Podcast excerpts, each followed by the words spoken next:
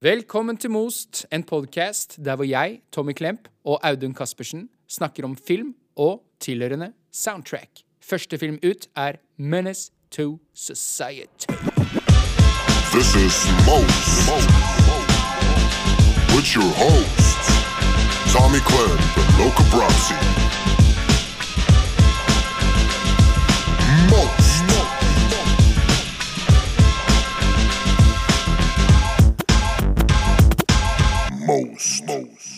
Det stemmer. Menace to Society er altså første filmen vi skal prate om. Eh, første av eh, flere såkalte Hood-filmer. Eh, vi har bestemt oss for at første sesongs sjanger på filmene skal være det vi kaller Hood-filmer, og det er jo da filmer vi har vokst opp med. som vi holder nært til hjertet, og mange som oss gjør også det. Tommy, skal du si noe litt sånn fakta om Menace to Society? Det kan jeg gjøre. Filmen kom ut i 1993 og er debut-spillefilmen til The Hughes Brothers. Storyen er skrevet av The Hughes Brothers og Tiger Williams, og script er det Tiger Williams som står for. Ja da. Og eh, så har vi jo da i hovedrollene en dude som heter Tyrin Turner. Vi har uh, Lawrence, eller Lawrence Tate. Eller Larence. Eller Larence, ja. Ja. Det er mange måter å si det på.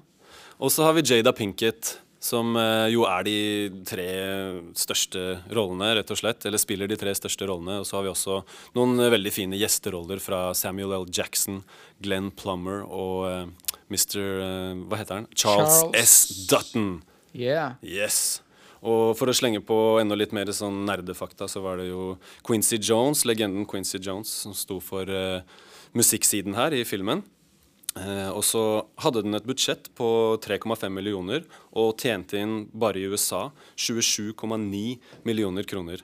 Eh, det vil jo si at eh, dette var en ganske innbringende og suksessfull film. Det var jo et indie-prosjekt laget på ganske lite penger i Hollywood-skala. Yeah. Så, så veldig imponerende, egentlig, hvor stor suksess denne filmen hadde. da.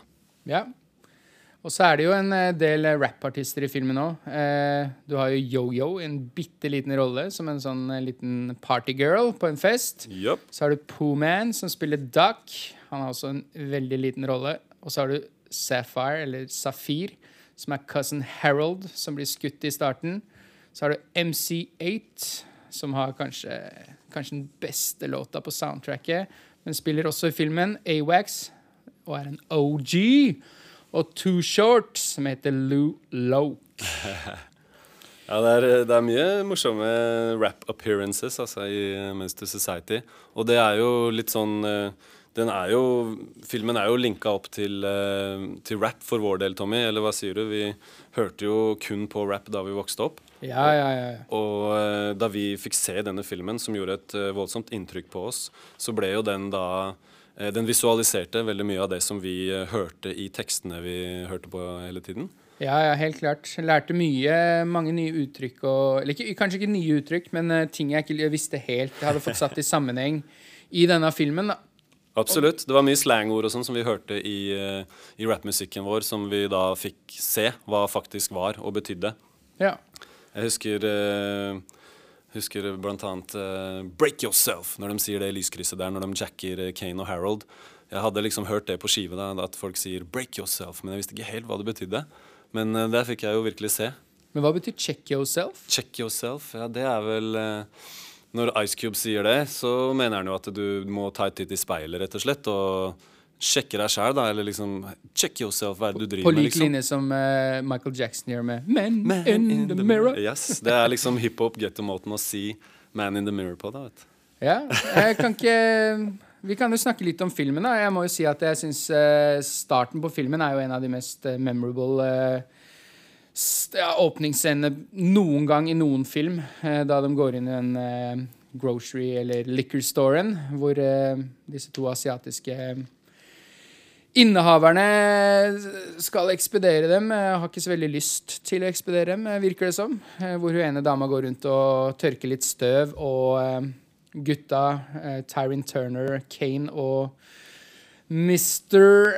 Lorenz Tate O-Dog eh, kommer litt sånn fleipende gående inn i butikken, skal kjøpe seg et par pils, og eh, ja, føler seg vel uglesett fra start. Ja. Ja. Og eh, det resulterer jo da i ja, litt aggresjon, kan du si. Hvor eh, eh, O-Dog eh, er liksom på hun dama med en gang han har vært og henta seg en øl. Eller kanskje han til og med henter to. Eh, og ber henne liksom ikke snuse i sakene hans. Ikke, ikke bry deg så jævlig mye med meg. Jeg skal bare kjøpe øl. Så går han til kassa, og det mest episke av alt er vel at han får eh, ja, får litt dritt slengt etter seg om at uh, han i bakkassa syns synd på mora hans. Mora hans. Og uh, det ender med et drap, da. Eller to til slutt, men Legendarisk åpning på en film. Den Ja. eh, setter virkelig standarden. Og jeg husker da, vi, da jeg så den filmen for første gang, så blir man litt sånn sjokkert, på en måte. Og man, vi var jo unge på den tida. Du, hva, hva kom vi fram til? At jeg var 12 og du var 13? Da denne Ja, filmen det var vel eh, sånn at den ble gitt ut litt seinere i Norge. Ja, ikke sant? Så Kom i i 93 var jeg tolv Nei, ja, jeg var tolv tolv år Ja. i, da den kom i Statene. Men jeg tror han kom her like over nyttår eller noe sånt. Ja, jeg tror han kom her i tidlig 94. Så, så vi var unge, og man blir litt uh, rysta på en måte av, uh, av en sånn type scene, føler jeg. For dette var jo På den tida så vi mye Arnold og, og Ja. Stallone-filmer, men dette var liksom noe helt annet. Det var Jeg- virkeligheten, liksom. Det Jeg må, var, jeg må si, jeg tror kanskje jeg så mest Van Damme-filmer. Bloodsport og de filmene der. Jeg er Dolph- glad, Dolph glad podkasten vår handler om noe annet enn det, for å si det sånn. Men uh, det, gikk, det var jo noe helt nytt. Eh, jeg husker ikke om jeg så to Society eller Blood in Blood Out først. Jeg vet ikke hvilken av de som kom først. Men uh, det var jo den filmen vi prata om hele tida. Ja. Eh, gikk rundt og tok lines fra filmen og ja, spilte ut litt, et par av scenene og sånn. Ja, ja. Så- vi, var, vi hadde jo kompiser eh, som, eh, som kunne hele filmen, liksom replikk for replikk, husker jeg. Og de her uttrykkene I got these cheeseburgers og What you say about my mama? Og You know you don't fucked up, right?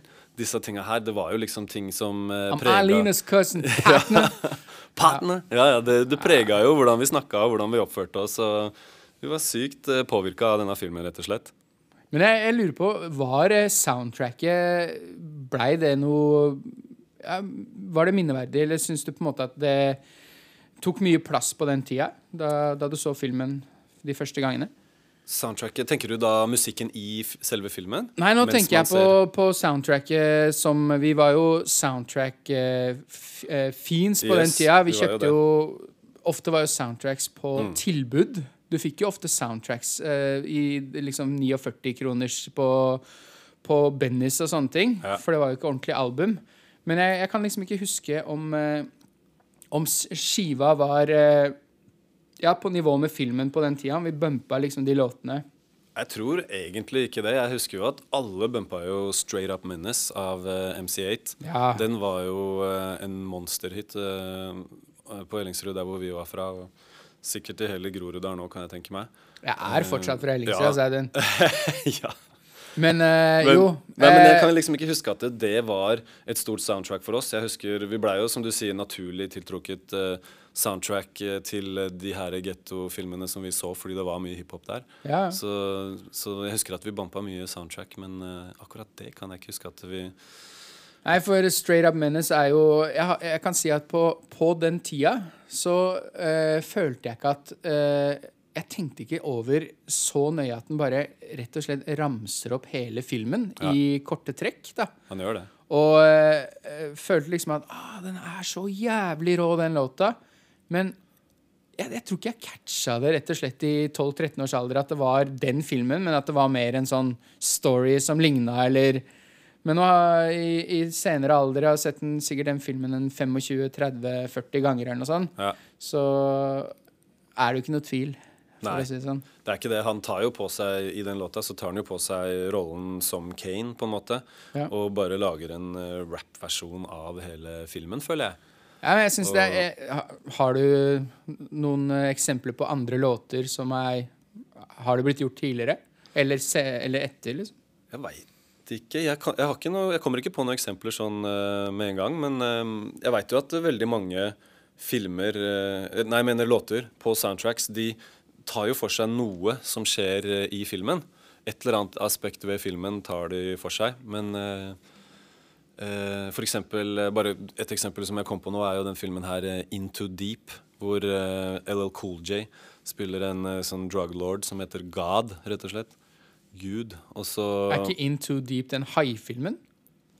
Det er Deep Blue Sea, det. Deep Blue Sea, ja. Ok, ok, der bomma jeg litt. Og så spiller Omar Epps da i Into Deep en undercover politidude som eh, utgir seg for å være gangster og får innpass i gjengen til LL Cool J. Og der er det en låt eh, på soundtracket av Nas og Nature som, eh, som er jævlig fett. Jeg digger den låta. Og der snakker han vel eh, Han snakker om politi, i hvert fall. Og, så jeg veit ikke om det er direkte sånn akkurat handlingen til filmen, men han blander inn noe av tematikken i filmen i låta si, i hvert fall. Ja. Det syns jeg er veldig kult. Nei, for jeg, jeg kan ikke si at jeg husker noen låter som uh, gjør det på Nei, ikke sånn. Det er unikt, måte, eh, unikt, dette her. Altså, det er det. Så, uh, men vi skal snakke litt mer om soundtrack etter hvert. Det skal vi gjøre. Ja, kan ikke du ta oss gjennom handlingen sånn i korte trekk, da? Det kan jeg, vet du, Tommy. Det starter jo eh, Eller vi blir jo introdusert for eh, noen sentrale karakterer, som da er eh, Kane, spilt av Tyron Turner. Det er O-Dog, spilt av Lawrence Tate. Det er Ronnie, spilt av Jada Pinkett. Og så er det jo Ja, blir vi jo introdusert for mer eller mindre viktige karakterer i vennegjengen, da. Deres. Mennesker rundt dem. Sharif, uh, Stacey uh, Ja. Og så eh, viser jo filmen rett og slett da livet til Kane. Vi starter jo i oppveksten hans. Han er vel en fem år gammel. Og vi får se litt hvordan han har det i oppveksten. Og det er eh, ikke så utrolig enkelt, ser det ut til å være. Eh, faren hans eh, dreper en fyr rett foran øya på han som femåring. Og han eh, blir introdusert for eh, mye dårlige elementer bad shit, eh, rett og slett, som selvfølgelig preger han. Og eh, etter at vi får se hvordan han vokser opp, så hopper man fram i tid til eh, at han er eh, vel 18, var det ikke det vi ble enige om? Ja, Han er- er noe rundt der. Ja, han liksom, han er high school graduate, da. Han skal gå ut av skolen og uh, begynne voksenlivet. Og uh, foreldre, besteforeldrene hans er jo så, så stolt av han. Men eh, jeg tror vel det er allerede første dagen, eller kvelden han har gått ut av high school, så, så skjer denne episoden eh, hvor O-Dog eh, dreper noen folk inne i en spritbutikk. Og fra derfra så havner jo Kane da inn i en sånn voldsspiral, og liksom han det, det ser ut som han er i ferd med å skli ut, da.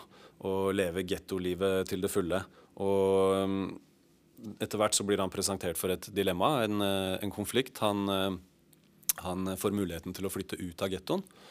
Og eh, det er jo der han har en slags konflikt, som sagt. Han sliter med om han skal bli i gettoen og være lojal mot gutta. Eller om han skal søke lykken, rett og slett flytte ut av gettoen med dama han er forelska i, og prøve å leve et fint og lykkelig liv.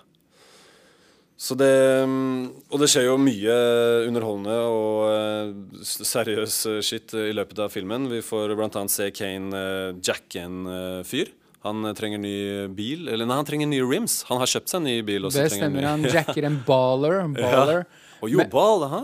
Ja, men det er jo eh, ja, Vi kan jo nevne et par gode scener, eller Ja, scener men skal, kanskje vi skal komme tilbake til det når vi har favorittscenene våre? eller? Nei, jeg tenker, jeg tenker bare- uavhengig. At man kan bare snakke litt om noen scener Ja, i filmen. selvfølgelig, selvfølgelig. For uh, man kan jo ikke gå gjennom en hel film. Det vil jo ta uendelig lang tid. Ja. Men uh, jeg skal jo si at et par minneverdige scener som jeg syns er uh, kanskje ikke på toppen, men som er eh, sånn eh, minneverdig nok til at jeg har lyst til å nevne dem, er jo nettopp det at han skal få, han skal få seg rims, og jacker en kar utafor en sånn burgersjappe og har lyst på han har jo lyst på eh, rimsa hans, men han har også lyst på en burger med cheese. Eller double, double burger with cheese, er det ikke det han sier? Jo. Eh, hvor da denne balleren nekter eller har glemt eller hva han gjør, prøver seg litt da, og bestiller en uten cheese. Jeg tror, du, tror det er det han gjør? Tror du han prøver å liksom eh, Det er det som er litt morsomt, da. snyte, og, snyte Kane for eh, ost på burgeren, eller tror du han bare er veldig stressa og Nei, eller rett og slett kan, glemmer seg? kan jo godt være at han eh, rett og slett bare føler litt på situasjonen nå. Hva, hva skjer hvis han Føler ikke får presset. cheese, da? Hva, vil han gjøre noe da? Blir han forbanna, eller hva? Ja, Kanskje han tester sånn- den litt, da, ikke Ja, sant? kanskje. hvis hvis jeg nå er- dropper osten, hvordan reagerer han på det, liksom? Hadde vært, hadde vært eh, interessant å liksom prøvd å analysere det, men det har jeg Ja. ikke gjort. Men eh, også eh, rett etterpå så prøver jo, eh, hopper det jo til en scene hvor han prøver å sjekke opp en eh, dame. ja. Og de skal til eh, sitte og Vi får første møte med Mr. Butler, altså Charles S. Dutton. Og eh, hvor han på en måte er litt Han er the grown person, eh, OG på en positiv måte. Eh, og skoler gutta litt og sier at det er greit å røyke en liten reefer, og det gjorde jeg før i tida, og sånn, men det er greit å på en måte eh, eller de spør hvorfor Sharif eh, er så Jeg tror det er O-Dog som spør hvorfor er Sharif så jævlig på oss hele tida. Det er Kane. Er det Kane som spør? Ja, så spør faren hvorfor han driver og maser på oss hele tida. Ja, OK. Han Det hadde jeg glemt. er litt lei masinga til Sharif. Ja, så sier han ja, Sharif har gått sin vei og sånn, men uh, at det er ikke noe negativt i det, da. Uh, det er en av de scenene jeg syns er, uh, er sånn, litt sånn morsom og minneverdig, på en Ja, måte. Mye, mye kule greier der. Så har de jo den scenen eh, hvor han crack, crackheaden, Ja, eller hva han er for noe, skal eh, prøve å score noe dope, og sier han kan suck his dick. Først så starter det opp med at han Men har cheese... I got these cheesebugs, man. Eller sånn. Og så Man, I'll suck your dick. Og så, bæ, så blir han skutt, av. O-Dog, ja. Som skyter eh, Ja, Har du noen du tenker er Ja, eh, altså, ekstra vi- minneverdige? Av beste scener så har jeg jo notert meg noen her, og de som har sett filmen, de veit jo Jeg kan bare si dem som, eh, som stikkord her. Sam Jackson dreper en som skylder han penger, på starten der. Ja. O-Dog i Liquor Store. Kane blir avhørt. Kane raner oh, en nei, du, den Kane blir avhørt. Ja. Den eh, Det er den beste sånn derre Det er jo bare bad cupen som er der, liksom. Det er jo ikke good cup, bad cup i det Jo, hele men det er noe med den scenen. Altså, jeg husker vi blei sykt uh, prega av den som, uh, som kids. Altså, Ja, det- når det- han en, skumle eh, politimannen satt der og bare You know you don't fucked up, right? Ja, det er så jævlig bra. Han legger den pistolen på det bordet. Han er så stoneface og så og, og, badass. og lyset, og hvor, hvor sinnssykt stressa det er, det er faktisk en av de rollene hvor jeg føler at han eh, eh, hovedrollen Kane spiller Der spiller han bra, da. Han Ja. ser jævlig stressa ut. Han gjør det. Men eh, ja, for det, det har jo du og jeg diskutert litt, eh, Tommy, hvor eh, gode disse skuespilleropptredenene er. Og eh, hvordan har det gått med skuespillerne som preger filmen sånn i ettertid, da. Ja, ja. Og eh, Tyrone Turner har jo da ikke spilt i noe særlig annet etterpå. Nei, jeg, For, jeg, eh, måtte søke den opp, jeg, på ja. IMDb. Ja. Men eh, jeg, jeg kan ikke si at det var noe jeg Nei, veldig begrensa suksess i karrieren hans. Og, Jeg kommer ikke til å sjekke ut de filmene, for å si det sånn. Og eh, når det gjelder Lawrence Tate, så var jo han et stort stjerneskudd på denne tida her. Jeg- jeg må bare, han, han spilte i en sånn film hvor, eh, hvor han drar på sommerferie eller noe sånt. Okay. Har du sett den filmen? Den tror jeg Hvordan- ikke jeg har sett, nei. Jeg husker ikke hva han heter, men uh, bare fordi det var O-Dog, liksom, Ja, så jeg tror jeg har sett den filmen et par ganger, det nå. Altså. Men han spilte jo da i Dead Presidents, som var uh, den neste filmen Hughes-brødrene lagde. Og den var vel også for så vidt en stor suksess. Og ja, som sagt, eh, han Lawrence Tate han eh, hadde litt suksess på den tida her, men så ebba det litt ut, og han blei jo borte etter hvert, han også, ganske fort. Og eh, Så Jada Pinkett er vel den av de største hovedrolleinnehaverne her som, som faktisk har laga seg en ordentlig karriere, da. Hun hadde jo en del suksess eh, i noen år før hun på en måte ble litt borte, hun også. Litt glemt, i hvert fall for skuespillerprestasjoner. da. Hun er jo mer kjent som kona til Will Smith i dag. Ja, ja. Og så er det vel eh, Det er jo flere som har vært i andre filmer, sånn som eh, Til og med Yo-Yo hadde en bitte liten eh, rolle i Boys in the Hood. Ja, ja. Og han Sharif spiller også faktisk i Boys in the Hood. Eh, som en, jeg tror han er en dope dealer, eller noe sånt. Jeg måtte ja, bare sjekke hvilke filmer han har spilt i. Han har en bitte liten rolle der òg. Men eh, de har jo ikke klart å komme seg til noen eh, sto storfilmer eh, etter det her, da. Nei, så det er jo Samuel L. Jackson og Charles S. Dutton som forblir de største stjernene her, da. Ja. Og For Jada Pinkett har på en måte blitt degradert til dama til Will Smith. ja, jeg føler det. Hun har liksom ikke hatt suksess med noe særlig TV-serier eller filmer de senere åra. Sist jeg så hun i hvor hun var liksom hovedpersonen i en TV-serie, det var en eller annen sånn legeserie som var super cheesy og veldig bita Grace Anatomy, følte jeg. Så er hun jo med i uh, Gotham. Gotham, ja. Ja, hun spiller jo Ja, ja, ja, eh, en eller annen sånn bad, så eh, bad bitch som uh, på en måte er en sånn Akkurat som en crime overlord-dame, da. ja. Som uh, har uh, litt sånn kontroll over uh, Penguin før han begynner å begynner å bli brutal, Ja, ja. for å si det sånn. Eh, hun, har ikke, hun- har en ganske stor rolle. Det er ikke en hovedrolle. Nei, nei. Og så er det mange episoder hvor hun er litt borte, og så kommer hun tilbake igjen sånn i en eller annen sesong. Ja. Jeg så en liten rolle i Bad Moms her også. Men eh, tilbake Det høres ut som en klassefilm, Audun. Men tilbake til eh, disse scenene i Menace. Jeg var ikke helt ferdig. Charles Dutton sine scener er jo legendariske, mener jeg. Og når Kane banker eh, Ja, hva er det han heter, da? Han eh, som de stjeler bil for. Som uh, snakker med han hvite mannen utpå Ja, Chauncey. Chauncey. Han Ja. banker, Kane banker jo Chauncey fordi Chauncey er litt for frampå med Ronny. Som er Eh, Jada. Som er Jada, spilles av Jada. Og så er det jo også selvfølgelig eh, scenen hvor Kane eh, besøker Pernell, som da har vært en slags farsfigur i Kanes oppvekst, i og med at eh, faren hans eh, satt mye i fengsel og døde forholdsvis tidlig. Det er en bra scene. Det Vi er kan en snakke fantastisk litt mer om den scene. etterpå, kanskje. Ja, absolutt. Uh, men uh, det ender jo uh, Filmen ender jo da med at Skal du er ikke- røpe slutten? Kødda. det, det tåler folk. Det Tror de fleste har sett den. jeg. Ja, De men som, som Det det ender med, er jo at han Kane han har jo bestemt seg han, for at han skal bli med Ronny til Atlanta. Som hun har fått seg ny jobb der. Mm. Og når de eh, står og pakker og gjør eh, klart for å reise, så blir det jo en eh, heftig drive-by.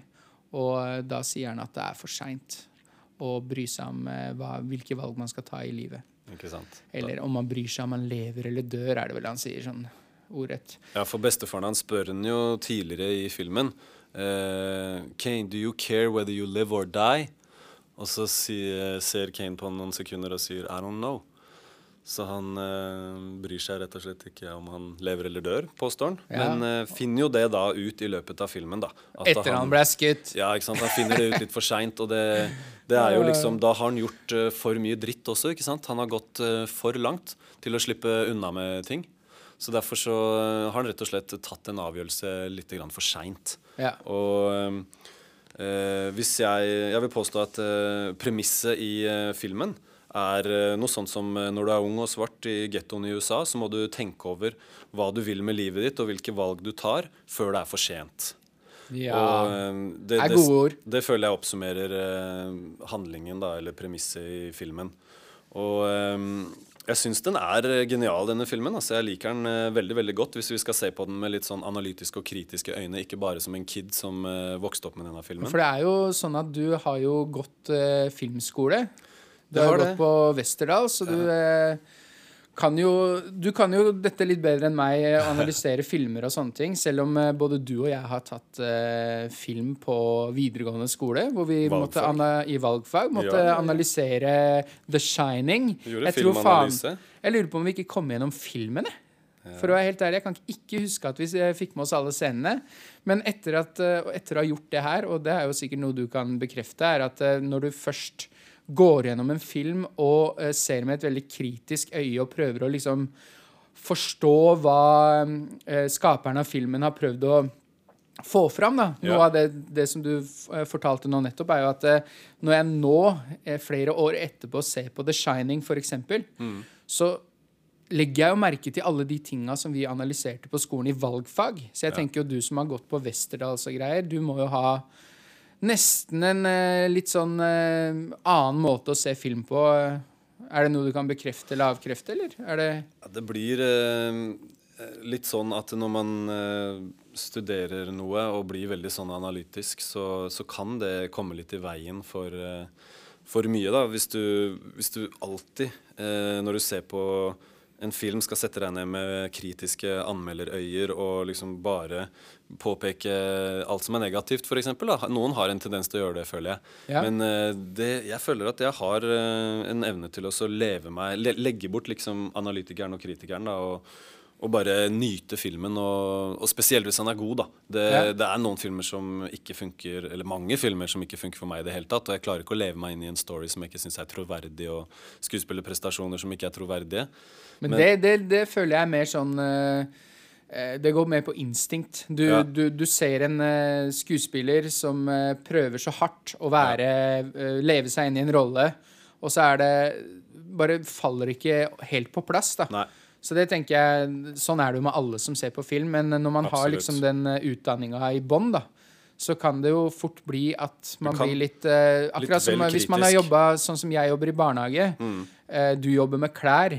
Eh, du kan kanskje se eh, folk med, som kanskje matcher klær litt på en litt merkelig måte. Eh, eller pga. du har kanskje erfaring med den type klær på en annen måte. Ja. Mens jeg jobber i barnehage og kan på en måte nesten analysere barn. Og tenke at oi, ja, der har vi en sånn en, og der har vi en sånn jente og en sånn gutt. ikke sant? Ja. Eh, og det kan, jeg veit ikke om det er noe som har eh, da, det- forandra seg etter du begynte å, eller har gått på Westerdals. da. Jo da, jeg har jo eh, da, vi, da jeg gikk på filmskolen og vi lærte mye om eh, dramaturgi og eh, fortellerteknikker og sånne ting, så, så legger man jo merke til det når man ser film. Man eh, ser jo liksom eh, hvilke grep eh, både manusforfattere og regissører og sånn har tatt da, for å få en, en gitt effekt. Så, Ja. men, eh, så, så jeg kjenner igjen veldig mange ting og kan ofte avfeie noe som eh, ganske teit. da, Veldig fort. Men er det, er det ting Men, i, eh, i filmer da, som f.eks. Menace to Society Ja. som du, du ser at uh, er sånn skolert filming eller klipping eller eh, eh, lyssetting eller Skjønner du hva jeg mener? Ja, ja, eh, jeg skjønner hva du mener. Det her er den klassiske gylne snitt, for eksempel. eller skjønner du at det er så tydelig at det blir nesten litt gjennomsiktig, eller er det Litt. Ja? Jo da, det, og, og spesielt eh, etter hvert som tida går, så utvikler jo hvordan man lager film, det utvikler seg jo hele tiden. Så når man plutselig ser en film som er laga for eh, 10-15-20 år siden, så ser man jo at de gjorde noen eh, grep og noen snarveier og sånn som kanskje ikke ser like bra ut i dag. Men er ikke Eh, er, det- Jeg ville tro kanskje at eh, nå som vi har så mye teknologi, Mm. muligheter for å legge inn eh, lens flares og legge inn alt mulig eh, lyssette i After Effects og liksom Ja. At da kan det kanskje også være litt For, for før så måtte du på en måte gjøre det på the raw way, da. På, Ja. Akkurat som å spille inn med alle kan jo ha musikkstudio hjemme hos seg sjøl nå, Ja. men uh, alle kan, eh, kunne ikke det for eh, 30 år siden eller 20 år siden. Da måtte du på en måte bruke jævlig mye penger på å gå i et studio, eller Mm. så blei det gutteroms uh, promperomsmusikk, som Herreløse sier i en eller annen podkast. Skjønner du hva jeg mener? At Ja. jeg man måtte på en måte Var det en veldig bra film, så var det en veldig bra film av håndverksmessige grunner, da. Ja, men eh, jeg mener jo at eh, personlig at alle gode filmer starter med en god historie. Det er uh, numero uno. Det er liksom det viktigste med en film. Da. Du må ha en god historie. Og så kan du fortelle den gode historien på mange måter, som kan liksom ha mer eller mindre suksess. Men eh, jeg mener at uh, uansett hvor mye utstyr du har, hvor mye animasjon du kan gjøre, eller feite kameraer, eller liksom hva, hva en av liksom tekniske ting du kan tilføre en historie, så er det alltid historien som kommer først, og det er den som må være god. Og det. For å dra det tilbake til Men's to Society, så er det det som er suksessen i, uh, i en film som Men's to Society, at det er en så god og troverdig historie. Og, eh, og den som jeg var inne på tidligere, er ikke, har ikke vært en veldig dyr film å produsere. De har brukt eh, 3,5 millioner dollar, som er et eh, lavt budsjett. I statene. I statene, selvfølgelig, og når vi tenker Hollywood-skala og sånne ting. Så de har eh, fått veldig mye ut av et lite budsjett. Det, Jeg, syns det er imponerende at de har fått med seg Samuel L. Jackson og Charles S. Dutton i en film med så lavt budsjett. og så mange I en periode hvor eh, Ja, det var jo Samuel L. Jackson var vel ganske hot på 90, tidlig 90-tallet, var det ikke det? ja, Nå er jeg Var ikke det sånn usikker på hvor, Hvor mange år etter Pulp Fiction var det, eksempel? Pulp Fiction var vel Var ikke det i 95? Og dette er jaså, er Pulp Fiction yngre enn uh, Menes, ja? Ok. Nei, Pulp Fiction er, kommer da litt seinere. Ja, det vil Hvis- si at filmen er yngre nå, Ja, sånn, ja. Ikke sant? Ja, ja. Men, eh, men vi, vi kan si det sånn, da. Hvis, eh, nå har vi jo vært litt eh, Dette er første episode, Mm. så vi må jo eh, snakke litt om kunnskap også. Og du, at du har gått på Westerdals. Eh, vi har jo sett filmer sammen eh, Ja, i oppveksten. Vi er gode venner fra barndommen av. Du har tatt en litt annen path enn meg og vinkla deg inn på skole. Jeg har kanskje drevet enda mer med musikk enn det du har. Eh, derfor har vi merga disse to med både soundtrack og eh, film til gamle filmer som vi har sett på i vår oppvekst. Så da vil jeg bare stille spørsmålet hvordan føler du håndverket Menace to Society som en sånn eh, eh, filmatisk opplevelse eh, kontra eller, Og i tillegg, hvordan syns du storyen matcher det? Er, funka liksom Var det full pakke på begge deler? Både filmatisk og story-wise? Eller føler du at eh, storyen på noe For jeg, jeg kan jo si personlig at jeg syns noen ting føles litt påtvunget. Mens ja. eh, for å få inn liksom flere aspekter ved det å bo, vokse opp i hooden, da. Ja. For det er jo, som vi sier, en eh, klassisk hood-film. Ja. Eh, eh, hvor, hvor man liksom skviser inn eh, f.eks. scenen med disse latinoene som eh, plukker dem opp istedenfor å grisebanke dem, som de forventer etter at politiet har dumpa dem i hooden Ja. Til eh, der hvor det er mest eh, latino people, så eh, snur de det, og altså, ah, the latinos was, uh, chicanos, eller hva de sier, var veldig kule folk, og, og kjørte oss heller til sykehuset. Så det føler jeg sånn, noen av disse scenene er sånn som er bare liksom eh, kasta inn der for å få med litt ekstra, og det kan jo være sånne ting man gjør i en debutfilm, altså Ja. spillefilm, for å eh, forsikre seg om å vise at dette her kan vi veldig mye om, hvis du skjønner. Ja, og, og så tror jo Jeg skjønner hva du mener, og jeg, men jeg tror ikke det er gjort fordi at de nødvendigvis eh, vil vise hvor mye de kan om et tema. Jeg tror heller det er det at man har så mye på hjertet. Eh, fordi denne filmen eh, Så litt overkill, da, eller? Ja, at man liksom Man gaper over for mye, rett og slett. Det er eh, har, Man har et uttrykk i film som heter 'kill your darlings'. Ja, ja, eh, ja, som det, handler om at man det har til og med jeg hørt. ja, Som handler om at man må begrense seg innimellom. Og Ja. mange, filmskapere Det er jo, det er, er det ikke det klassiske uttrykket 'less is more'? Ikke sant? Det kan jo eh, At eh, også hvis, du, inn. hvis du kutter filmen der istedenfor å eller, eller en vits, da. Mm. Hvis, du, eh, hvis du forteller en vits, og så har folk begynt å le før du på en måte har kommet til det store poenget, for de har allerede fatta poenget, Ja. er det bedre å bare kill it. Liksom. ja. Ja, for da har Ja, for du oppnådd det. Og hvis du, hvis du drar på med den bitte lille ekstra, så kan det være at du dreper vitsen.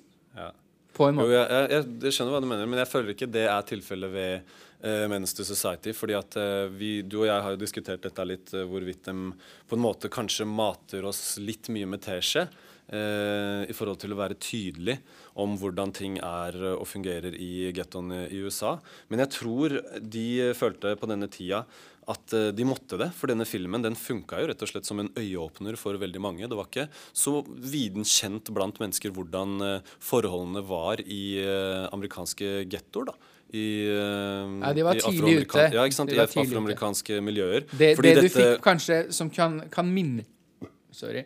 Det som kan minne litt Mm. om, om Eller ikke, ikke, ikke på, på en sånn skildrende måte, men det, det folk hadde fått, fått fra gettoen. Det var sånn Shaft in Africa og Mm. Ja, ja. Shaft-filmer og sånne hvor liksom Black Exploitation eh, Det var liksom eh, de filmene man, man eh, fikk eh, med, med fargede mennesker, da. Men det var jo liksom, som du sier, dette var på 70-tallet, og, og det var jo filmer som eh, egentlig prøvde å underholde mer enn de prøvde å, å vekke følelser i deg, eller liksom informere deg om noe viktig. Det, Ja. dette var, og det var nok kanskje også filmer som var mest kjent i USA, eh, ikke så veldig mye globalt. da. Og, eh, så det var det jeg følte Hughes-brødrene klarte å gjøre med Menace to Society. De tok gettoen og gettolivet og døtta det opp i trynet på folk og sa se her, det er eh, ganske mye dritt som skjer her borte. Jeg tror ikke du ville levd sånn, for å si det sånn. Ja. Så de, eh, eh, har virkelig oppnådd noe med denne filmen. Og eh, den ble jo nominert til pris i Cannes. Den vant en MTV Movie Award, som kanskje ikke er det gjeveste av pris å få. For, men, for, for Hæ? MTV Movie MTV Award. Movie Award. De, de, Var det, hadde de Movie Awards så ja, tidlig? MTV Movie Awards hadde det. Altså. Så, Ja. Eller hadde de Jeg vet ikke om de kjører det nå lenger. Nå, nå dreier jo ikke mye på MTV seg om uh, verken musikk eller film lenger. Så jeg vet ikke om det er noe de gjør fortsatt. Men de hadde jo MTV Movie Awards. Som var en litt sånn tullete prisutdeling, men eh, de vant i hvert fall en pris der. Ja, det er nok ikke sånn at du går hjem med den og tenker sånn ah, Fuck the Oscars. Setter ikke den uh, høyest på peishylla, liksom, og, så den syns best. Men, eh, men nei, det, dette Og det, jeg vet ikke om du sa det i stad, men dette er jo debutfilmen til Hus-brødrene, og jeg syns Ja, det det- er uh, imponerende altså, å, å gjøre en sånn film som dette her eh, første gangen du lager spillefilm.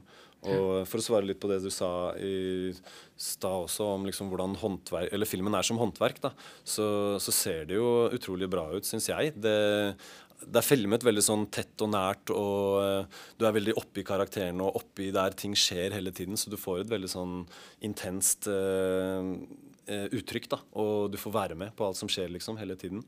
Jeg, vet, jeg må bare si at til å ha fått med liksom store rap-artister i en eh, spillefilm, og jeg Ja. stusser liksom ikke noe spesielt over noe de eh, prestasjonen til rapperne i filmen heller.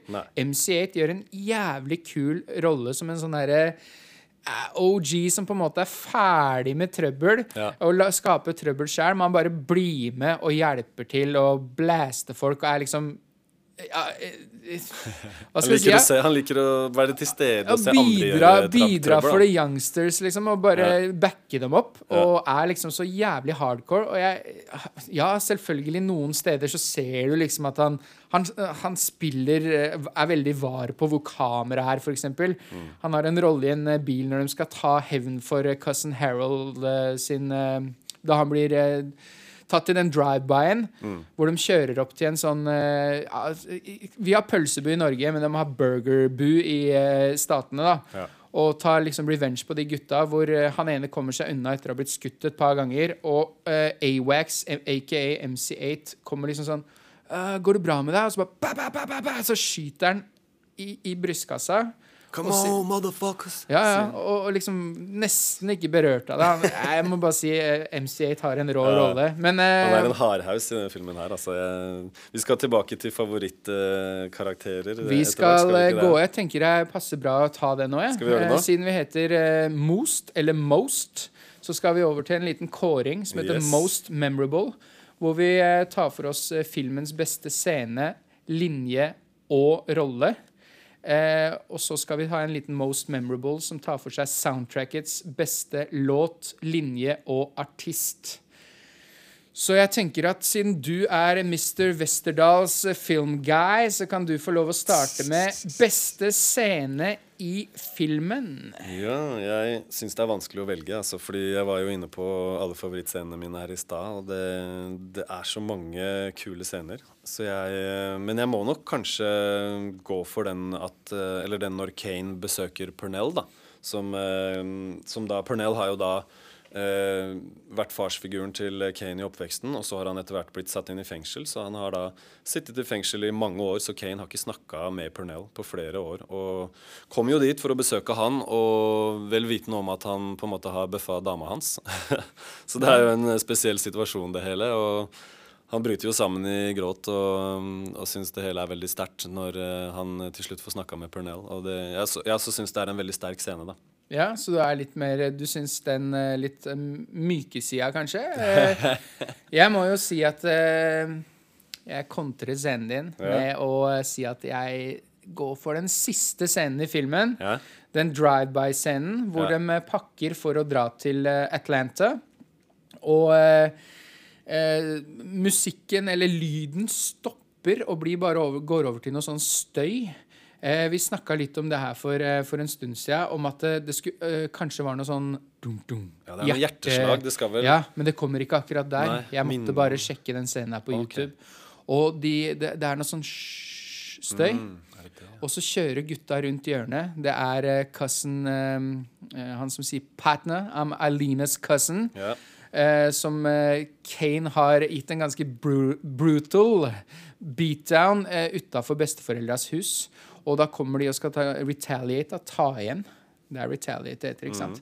Eh, hvor de kjører i bilen, drar på seg finlandshetter, og så ser du liksom eh, Det veksler litt Du hører iskrembilen som en sånn liten intro til det hele. Stemmer det. Og The Ice Cream Truck er jo bare legendarisk hood. Det er jo på en måte, Jeg husker bare å, å, ja, Over til scenen.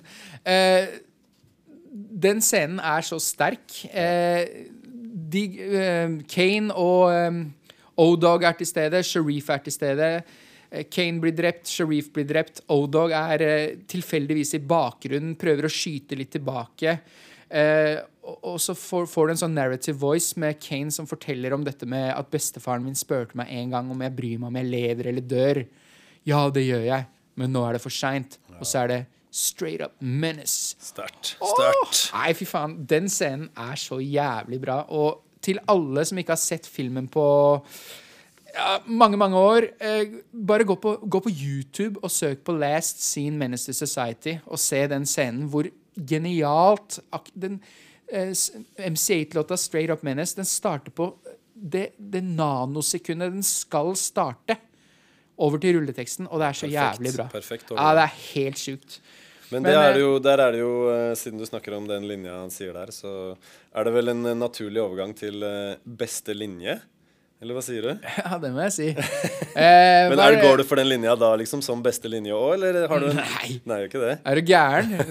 Det- er din tur. Det er, Ok, du skal jeg starte? Ja, ja. Nei, for, for meg så er, det, så er det enkelt. Det er uh, i scenen hvor uh, eh, Sharif har invitert eh, Unnskyld. Sharif har invitert uh, Kane til uh, klasserommet hvor uh, Charles S. Dutton vanligvis jobber. Han er jo lærer. Så, så Kane kommer inn, og Charles S. Dutton har noen alvorsord å fortelle han. Og da sier han Being a black man in America isn't easy. The hunt is on, and you're the prey. All I'm saying is All I'm saying is survive.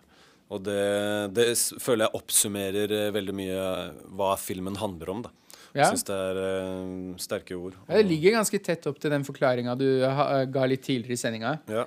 Det at man må på en måte gripe øyeblikket og, og, og jo- prøve å nå det beste man kan eh, nå.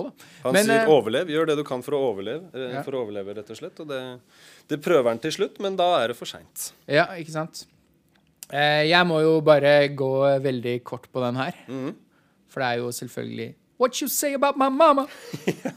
Og det, det, jeg tror den eh, forsterkes litt av at eh, i Don't be a menace to South Central while drinking your juice in the hood kødder Ja. veldig mye med det også. Ja. Så den sitter veldig sånn, og så er den så Når han sier det, han sier det vel én gang, og så sier han det en gang til, og så ba, ba, så skyter han han bak eh, disken der. Det syns jeg er eh, Det er en sånn det, det, er, det er sjokkerende og veldig sånn Å, fy faen, den Ja. filmen her, den her veit jeg jeg kommer til å elske.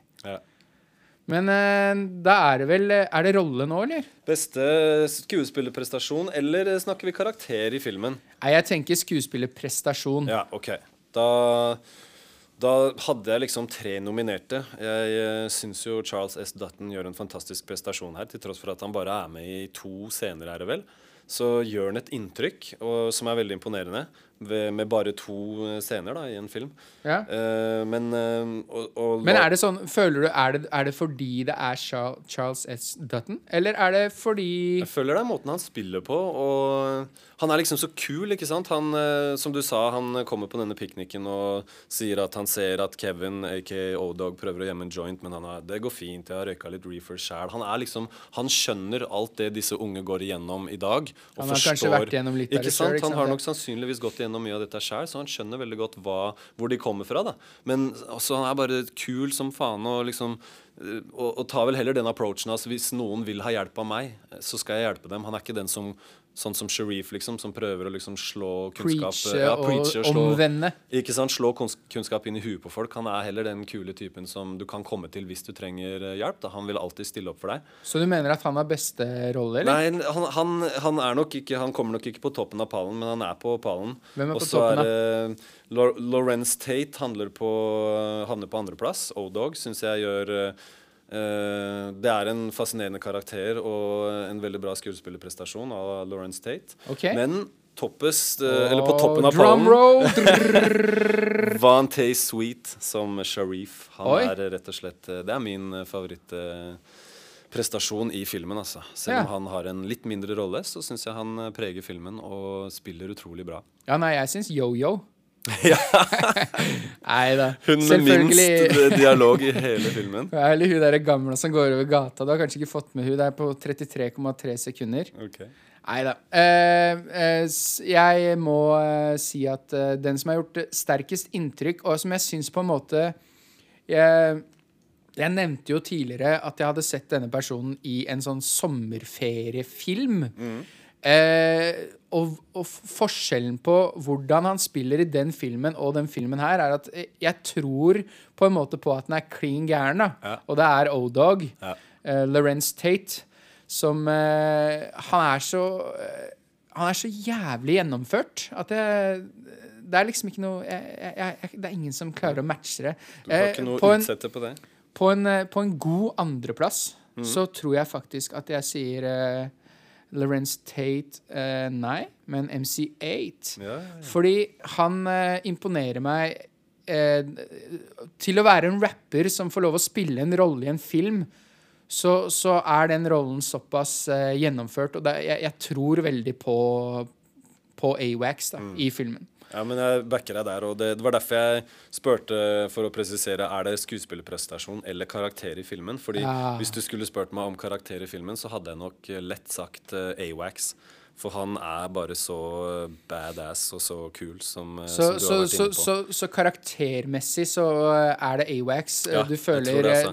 du, du har en litt sånn eh, Ikke kjærlighet, men eh, det, han, han eh, Forkjærlighet for Awax, altså. Ja, eller, ja, ikke sant? Jeg må si det. Eh, og han ble jo en god nummer to hos meg òg, så, Ja. så karaktermessig så tror jeg faktisk at jeg må si uavgjort mellom O-Dog og Awax. Ja. Fordi gutta er Awax er den erfarne OG-en som bistår, hjelper til fordi han har erfaring, Mm. mens O-Dog er en spinnvill liten eh, ko-ko eh, faen som bare gjør akkurat det han føler for der og da. Eh, han syns ting han har gjort som er brutalt, er morsomt. Ja. Det er gøy å se på denne overvåknings, eh, overvåkningstapen. Det, det, ja, ikke sant? De, de, de to er på en måte tidlig stadie i livet og OG eh, old guy, da. Men det, og det, det er det som er morsomt med eh, Awax og Mr. Butler. da. De er jo da De er totale motpoler, egentlig. De er jo eh, ha, Awax er liksom mentor og forbilde for The Wrong Path. Og Mr. Butler er mentor og forbilde for The Right Path. ikke det er sant? litt speiling her. Ja, ja. Men eh, det jeg syns er kult, er at uh, hvis du tenker på Sharif, som er sønnen til uh, Butler, Ja. altså Charles S. Dutton, er at hadde uh, Hadde Sharif fortsatt, så kunne han sikkert ha blitt Awax. Hvis han ikke fant troen. Og Charles S. Dutton han eh, er jo bare da en sånn eh, mild, mild versjon av Sharif. Så det hadde vært interessant å, eh, å kanskje fått et lite innblikk i hvordan han som smoka reefa da han var yngre Hvordan kom han Hvordan blei han denne voksne, fornuftige karen uten å finne noe faith, eller liksom Skal vi foreslå en eh, spin-off, rett og slett? En eh, film om En prequel til Men da foreslår jeg at eh, Audun Kaspersen, som har gått på Westerdals, lager denne her. Så får du med deg Charles? S. Dutton som en Ja. sånn der narrative eh, fortellerkar, Ja. som forteller om ungdomstida si. Og så får du en eller annen eh, sønn til Will Smith eller en eller annen kar til å ja, ja. spille Charles S. Dutton som ung. Men jeg lurer på om vi kanskje skal gå over til soundtracket her. Ja, men vet du hva, Tommy, kan jeg bare, siden vi er inne på Butler og Sharif, kan ikke jeg bare ta kjapt en fun fact om uh, den karakteren? Fordi at uh, Jeg tror det er veldig mange som er klar over at uh, Topak rapperen Topak egentlig skulle ha vært med i Menace to Society. Han eh, skulle faktisk spille rollen som Sharif. Og ikke O-Dog, som, eh, som mange tror, for jeg har alltid hørt et rykte om at Topak egentlig skulle spille O-Dog. Ja. Men det stemmer ikke. Han skulle spille um, ex-knucklehead Sharif. Også, eh, fordi han hadde et eh, forhold til Hughes-brødrene, denne godeste Topak. Eh, Hughes-brødrene de regisserte Brenda's Got a Baby-videoen til Topak. Classy. Yes, så Topak var eh, han, han ga på en måte Hughes-brødrene sin første sjanse da, som eh, litt sånn big, di big time uh, directors. Og uh, Hughes-brødrene skulle da gjengjelde tjenesten da de skulle lage sin første spillefilm. Så Topak uh, møtte opp på leseprøver, og, eller han møtte mye opp seint til leseprøver, og han begynte også å protestere veldig mye på hvordan de hadde skrevet karakteren Sharif. da. Uh, så derfor så blei det en eh, falling out. Topak eh, fikk fyken av, fra filmen. Han fikk ikke være med lenger. og dukker da opp på en musikkvideoinnspilling eh, som eh, Hughes-brødrene har regi på etter at filmen er ferdig, og har med seg masse kompiser og grisebanker. Eh, Alan er det vel. Alan Hughes. Det er jo Men det, jeg må jo si at det er, her var jo eh, litt sånn eh, morsom fun fact. Eh, kanskje litt trist, men veldig bra for deg, da, siden Sharif er favoritt... Var ikke Sharif favorittrollen din? Jo, det er jo favoritt eh, Eller han Van T-Sweet Han, eh, jeg syns han er en av de, gjør en av de sterkeste skuespillerprestasjonene ja, jeg bare, i bare filmen. tenker, Tenk om Tupac tok den rollen. Kanskje hele, hele rollekarakteren eh, bare hadde Vært en annen. Ja, og det hadde ikke vært, det hadde ikke vært favoritten din. Kanskje ikke du hadde sånn, likt filmen engang. Kanskje Tupac hadde fucka den opp. Du veit ikke. hende. Det er ironisk å tenke på, fordi Tupac er jo, som de fleste som kjenner meg vet, en av mine favorittrappere. Gjennom jeg- tidene. Ja, ja, of all time. Så jeg liksom leker alltid med tanken da, om hvordan det hadde vært å se Topak som, eh, som Sharif. Men nå må jeg bryte litt inn, for vi har ikke så god tid her. Nå skal vi snakke om Soundtracket. soundtracket. Og vi starter med beste låt, og denne tar jeg. Musikk er min greie. Do it. Din òg. Men jeg har fortsatt med musikken da du gikk på Westerdals, vet du. Eh, beste låta, det er ikke noe, det er ikke noe spørsmål. Eh, låta handler om filmen, og den heter Straight Up Menace av MC8. Og det er spelled without a G, because uh, the G ain't in you. Er det ikke det? Ja, det sier i hvert fall uh, DJ, DJ, Quick, Quick. som også Som er med på soundtracket. Ja. Men uh, hvilken eh, låt har du? Nei, min favorittlåt blir jo Det blir faktisk en delt førsteplass, fordi at eh, som du, som du har vært inne på, da Det er feigt, altså. Nei, men Det er liksom så spesielt soundtrack, synes jeg, hvis vi skal snakke litt generelt om soundtrack òg. Fordi det er jo ikke mange låter på dette soundtracket som er skrevet uh, for filmen. Det er jo bare en samling De har tatt masse låter eh, fra forskjellige album, og så har de laga en slags compilation, en samlingsskive med låter. Og eh, den blir jo litt spesiell, den Straight Up Menace, da det er, er det eneste låta eller, på soundtracket som er skrevet for filmen. Det er litt usikkert. Jeg Ja. vet veit ikke om den eh, Spice One-låta er, også er det. Den, den, fall, høres, den er fall- Den passer veldig godt inn, da. Ja, si passer det veldig sånn. godt inn, men jeg syns jeg så den på eh, et Spice One-album som kom i 93. Så Mm, det, Ja, men da er det jo spørsmålet, da. Var det sånn Da- at han skrev den til filmen, og så følte til- at uh, den var såpass bra, Ja. den vil jeg gjerne gi ut på albumet? albumet? Hvem det, vet. det gjenstår Ja. å Neste- finne ut av når vi snakker med Spice One. Og så var det en Men, eh, annen låt òg, var det det? Ja, fordi at uh, hvis jeg bare liksom skal uh, tenke på låter, hvis jeg ikke skal tenke på at noen av disse låtene er fra en film da, eller fra et soundtrack, så, så blir eh, The P is Free Uh, eller P is Still Free, heter den vel. Er det Bo- Boogie Boogie Down Down? Productions, aka KRS-One. En stor stor favoritt hos meg. Det er uh, KRS-One på Primo Beat, da KRS-One fortsatt var en relevant rappartist, og faktisk en av de beste som Ja. gjorde- det. Så det blir en delt førsteplass altså, mellom Straight Up Menace og P is Still Free. Ja. Da går vi over til linje. Yes! Eh, den her er litt morsom, da. Syns jeg, da. Eh, The bitches ain't shit, cause they all into gafflin. Break a whole jaw, and I might start laughing. Det er så jævlig brutalt og upolitisk Nei, hva heter det? Politisk ukorrekt. Hvem er det som sier Eh, det? Det er eh, Om jeg ikke tar feil, så er det Ant Banks Ja, ja, på den eh, låt nummer to på skiva. Ja. Og det er Pack så jævlig get. Pack in a get. Eller Pack in a Gun er det vel kanskje Pack egentlig. in a jeg, jeg lurer på Det er litt sånn eh, på Hvis du går på eh, Spotify, så heter den Pack in a get, tror jeg. Og så heter den Pack in a gun på skiva, eller andre veien. Hvilken linje liker du best? Eh, min favorittlinje er fra låta P Still Free. Uh, og går som følger uh, Oral sex in the back or rather deep throat. But just for fun, he came, she bit his dick and slit his throat. Den det er jo like ille. Ja, den er også ganske brutal, altså. Men jeg syns break a whole jaw and I might start laughing. Ja. Kom an, da. Det er jo en mye bedre linje, Heiden. Jo, men det er jo, der er det liksom eh, I den linja di så er det dama som får gjennomgå. Fordi, mens her er det karen som får gjennomgå. Da, for her er det en dude som rett og slett får eh, Vi speila hverandre, vi ja, òg. pikken sin bitt av, og så får han i tillegg til å få pikken sin bitt av throaten sin slitta. Altså han eh, Så det, det Røff behandling, altså. Jeg har jo snakka med deg om dette før, om den the pee is still free. Så Ja. det kan jo godt være da at penisen er free. Det er, Ja, kanskje det. At du fikk gratis uh, mat, ja. I den så forstand. må, jeg, jeg må bare si det at til uh, Hvis vi skal ta uh, som en rolle eller skuespillerprestasjon, så vil jeg si at MC8 han han har jo gjort den beste jobben på soundtracket, for han har jo faktisk lagd hele filmen. Ja, han har oppsummert hele filmen i uh, låta si. Så, så, Så så, kan man jo selvfølgelig diskutere hvor kreativt er det. Da Men er det gjort tidligere? Er det gjort Nei. etter? Vi er ikke helt sikre Hvis på han var den første som gjorde det, så er det jo på en måte en slags originalitet i det. Men, Ja, men samtidig også så føler jeg det er veldig jobb. Du må tenke jobb. Fordi ja. hvis du er det den eneste låta som er skrevet for soundtracket, ja.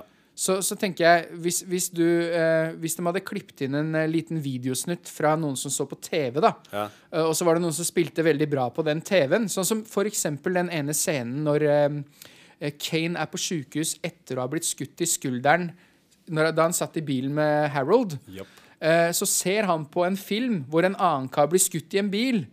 Og da kan man på en måte ikke si at å, beste skuespillerprestasjonen er han på sykehuset på TV-skjermen der. For han har jo lagd det til noe annet. Ja. Hvis du skjønner. Og hvis vi tror at det er Straight Up Menace av MC8, som er den eneste låta som på en måte er lagd til soundtracket, som har noe med filmen å gjøre, Ja. så må jeg si at han gjorde den beste jobben. Ja, ja. Det gjorde han. Det er sant. Men uh, hvis du bare liksom skal vurdere låtene da, for kreativitet og kvalitet, det er jo selvfølgelig en smakssak også, Yeah. så, så, så syns jeg jo Jeg syns jo for øvrig at det er et litt sånn svakt uh, soundtrack, er det ikke det? Ja, det, det kan vi komme tilbake til etterpå. Skal vi gi terningkast og så snakke litt mer om hvorfor? Nei, Vi skal ikke gi noe terningkast. Dette Ikke skal du få høre etterpå. Men Ja, eh, hvem, sant, syns du, hvem syns du? Ja, fordi eh, Er det artist? Beste artisten på Ja, skiva? hvem syns du gjorde best jobb av artistene på skiva? Ja, jo, da Altså, må det nok eh, best? være MC8. Det må Yes! være det. Da var vi enige på Ja. ett punkt. Men jeg har en liten sånn eh, Jeg har gjort meg jeg har gått gjennom dette albumet litt, for jeg er jo veldig ekstremt musikkinteressert. Eh, så jeg eh, har funnet noen nevneverdige låter på soundtracket. Ja. Så kan jo folk som hører på, eh, velge om de har lyst til å gå inn og sjekke ut de låtene. Og da Miss Kylo, MZ Kylo, All Over a Hoe. Det er en låt som spilles i filmen. Da eh, I starten, eh, ganske tidlig i filmen, så er de på en fest hvor man blir introdusert for Sharif for første gang. Han står og passer på at eh, gutta ikke skal ta øl i fryseboksen, men eh, det går ikke så veldig bra, for alle bare gir litt faen og henter øl allikevel. Eh, på vei ut av den festen så spilles den låta, og den er jævlig fet. Hun dama er sinnssykt sånn hard, Mm. Eh, og så har du en annen eh, memorable mention, som eh, er DJ Quick-låta, 'Can't Fuck With A Nigga', som blir spilt eh, i filmen eh, da eh, Kane får tilbud om å bli med til Kansas fordi eh, han pimpen Stacey har fått tilbud om å spille fotball i Kansas. right back on your ass. Ja, og den låta har jo gått ganske varmt, eh, i hvert fall i min CD-spiller. Ja. Eh, og så er det Cutthroats, The Cutthroats, som er en låt som er, er featuring Bald Head Slick. Og du veit vel hvem det er, du, Adam? Mr. Guru. Ja, og det jeg syns er jævlig fett med den låta, er at de har jo en morsom linje som er sånn Stop looking at me! Uh, Mr. Potato Head, I made you. Jeg har ikke helt skjønt eh, Jeg skjønner jo hva Mr. Potato Head er. Det er jo en potet som du kan putte øynene og sånn på, så det er sikkert en litt sånn uh, lett uh, En person men- som er lett å guide. Nei, men var ikke eh, Potato Head, var ikke det et slags uh, uttrykk for en hvit mann, da? Hvis du liksom var eh, Kanskje et det, kanskje det òg. det har ikke jeg fått med meg. Men jeg så på en dokumentar hvit. som jeg anbefaler alle der ute å se på. Ja. Uh, The Toys That Made Us, Made Us tror jeg den heter på Netflix. Mm. Uh, som er liksom spill fra barndommen. De tar for seg store spillselskap som ha Hasbro, som har My Little Pony, Barbie, tror jeg. Eh, og de som har lagd Star Wars og ja, mange forskjellige. Og det ene eh, firmaet som har vært med å lage Star Wars, de hadde Mr. Potato Head. Som var en sånn potet, og så fikk du liksom bare mange, mange øyne og neser. Og den, den potet, det potethuet er jo også i uh, Toy Story. Ja, riktig. Det har jeg Um, sett. men uh, Men jeg tror ikke det er uh, han de snakker om. Nei da. jeg, jeg tenker at kanskje det man, det man gjør, er at man tenker at du er en person som er lett å, ga, uh, å lede. At eh, jeg kan på en måte gjøre hva faen jeg vil med deg. Og det er jo det du kan med Mr. Potato. Du kan putte nesa på panna. Du At kan det er det som er eh, dobbeltbetydningen. det Så jeg har aldri skjønt det, men det jeg syns er jævlig fett med den låta, er at Guru skriker nesten. Mm. Han rolige Guru, øh, som alltid rapper på samme måte, rest in peace til han. eh, han, han, han skriker vel nesten aldri på. Han er så laid back, hardcore. liksom hardcore. Og i tillegg så var det på den låta her, så kaller han seg Baldhead Slick, og det er jo liksom gangster-guru. Er det ikke det som er greia med bolded Slick? Ja, det er i hvert fall et slags uh, alter ego, eller det er vel ikke Jeg har i hvert fall helt fått alter inntrykk av at han heller, er litt mer han- gangster han som snakker Baldhead Slick. Ja, han snakker litt mer gangstershit når han er bald, baldhead slick. Altså, han gjør det. Så kan jeg gå fort gjennom her. Uh, Spice One, Nigga Guts No Heart er en uh, honorable mention. Vi har nevnt noen av de andre låtene også. Den Ant Banks-låta husker jeg ikke helt navnet på akkurat nå. Og så har du Brand Nubian-låta. Og jeg, jeg syns ikke låta er noe kul i det hele tatt. Men det som er fett med den, hvis du er litt inn i hiphop og rappmusikk, så bruker den det kjente William Bell-samplet fra I Forgot to, Forgot to Be a Lover.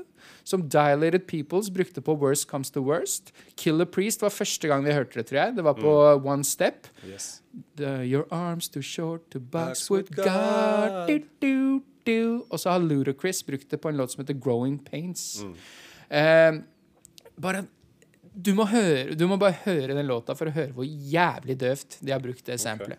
Jeg husker ikke den låta i det hele tatt. Nei, det sier litt. Men eh, hvis du hører bare, Du må bare sette den på for å høre hvor døvt de har brukt det Ja. jævlig kule samplet. Ja. Men som vi snak, har du noen men mentions, eller? Nei, det er eh, Som sagt, jeg var ikke voldsomt imponert over dette soundtracket da vi var kids. Og, for jeg hørte ikke mye på det. Jeg, opp, jeg husker jeg tok opp et par av låtene derfra på en kassett. Og det var vel eh, Det var Straight Up Menace. Det var eh, Only The Strong, er det ikke det den Too Short-låta heter? Jeg syns den er døv, ass. Ja, men jeg, er fordi du er Too Short-fan. Jeg var skikkelig Too Short-fan, så jeg tror jeg bare måtte ha med den. Og så var det vel Peace Still Free. Det var de Ja, tre jeg, jeg, var ikke, jeg var ikke Boogie Dam Productions-fan. Nei, jeg begynte liksom da. Og eh, så, eh, så det var de tre låtene jeg tok opp på kassett, og det var ikke noe mer. Jeg syns det var mye cheesy R&B og litt sånn half-ass uh, rap-låter der, altså. ja. Men du, vet du hva det er tid for nå? Hva er det tid for? Bullets! Vet du hva bullets er? Det er vel uh, noe vi skal, vi skal uh, rangere, tenker jeg, i antall eh, kuler for Ja, vi har, eh, vi har eh, en eh, vi, vi ser for oss en, eh, en, en pistol. Ikke en lekepistol. En ekte pistol man har i hooden. Men den pistolen her kan bare ha seks bullets. Eh, og eh, det, det betyr at eh, seks er jo da top notch. Det er som terningkast seks. Da har du seks øyne på terningen. Da scorer du mest. Så hvis eh, vi skal nå gi enten seks, fem, fire, tre, to, én bullets til film og soundtrack. Så får vi se ut ifra bullets om filmen er bedre enn soundtracket. Eller om soundtracket er bedre enn filmen. Så jeg syns du kan få lov å starte med å gi bullets til filmen. Filmen får Oi, filmen. Filmen får helt klart uh, fem Uh, det er nesten så den er på seks. Den er på fem og en halv, liksom. Men uh, hvis jeg må si fem eller seks, så må jeg si fem kuler. For uh, seks uh, Det går ikke an gi halve kule, Nei, vet du. ikke sant, så det blir fem. Fordi sekseren den, den står høyt hos meg. altså Da er det perfeksjon. Og som vi har vært inne på, så har jo Det er noen små ting man kan plukke på i Menace Society. Så den får ikke seks, men fem kuler. Fem sterke kuler. Det er bra, altså. Yeah! Veldig bra! Og jeg skal si at jeg gir filmen fem bullets, jeg også. Fett. Det er fordi jeg syns etter praten vår Før praten vår så følte jeg at den var på en firer. Etter praten, når jeg begynte å tenke på alt det deilige filmatiske og det, det utrolig eh, gode eh, budskapet i filmen, Ja. eh, de, de forskjellige vinklingene og alle de gode skuespillerprestasjonene som kanskje ikke hadde funka i en annen film, men akkurat i den filmen her så syns jeg det funket dritbra, så den får fem bullets. Ok, da går vi over til soundtracket. Da tar jeg soundtracket først. Start, du. Og det vil si at jeg gir soundtracket to bitte små eh, sånne DumDum-kuler. Ja. Jeg syns soundtracket er eh, eh, manglende. Det eh, går ikke inn på temaet like godt som eh, det filmen gjør. Det, det har ikke så mange originalsanger, så det er på en måte bare lånt litt her og lånt litt der. Så jeg gir det bare to kuler. Vet du hva, jeg er eh, helt enig med deg. Jeg har vel i en samtale vi har hatt tidligere sagt at eh, jeg skulle gi den tre, men eh, den får to av meg òg, altså. Det er nesten så han er Nei, han er ikke nede på én, for det er eh, den, bare liksom Straight Up Menace Straight og Up, The? Peace for Free og den DJ Quick-låta og et par andre gjør at det, den kan ikke være på én. Nei, Du likte jo det. de låtene, og Too Absolutt. Short var med, ikke sant? Det, Så det blir, det blir to bullets, men eh, det er eh, eh, ikke et veldig sterkt soundtrack. Det, fordi én ting er jo å raske sammen noen låter og liksom lage en samling låter til en film. Uh, men gjør det da i hvert fall med enda mer dope låter. Ikke, Helt enig.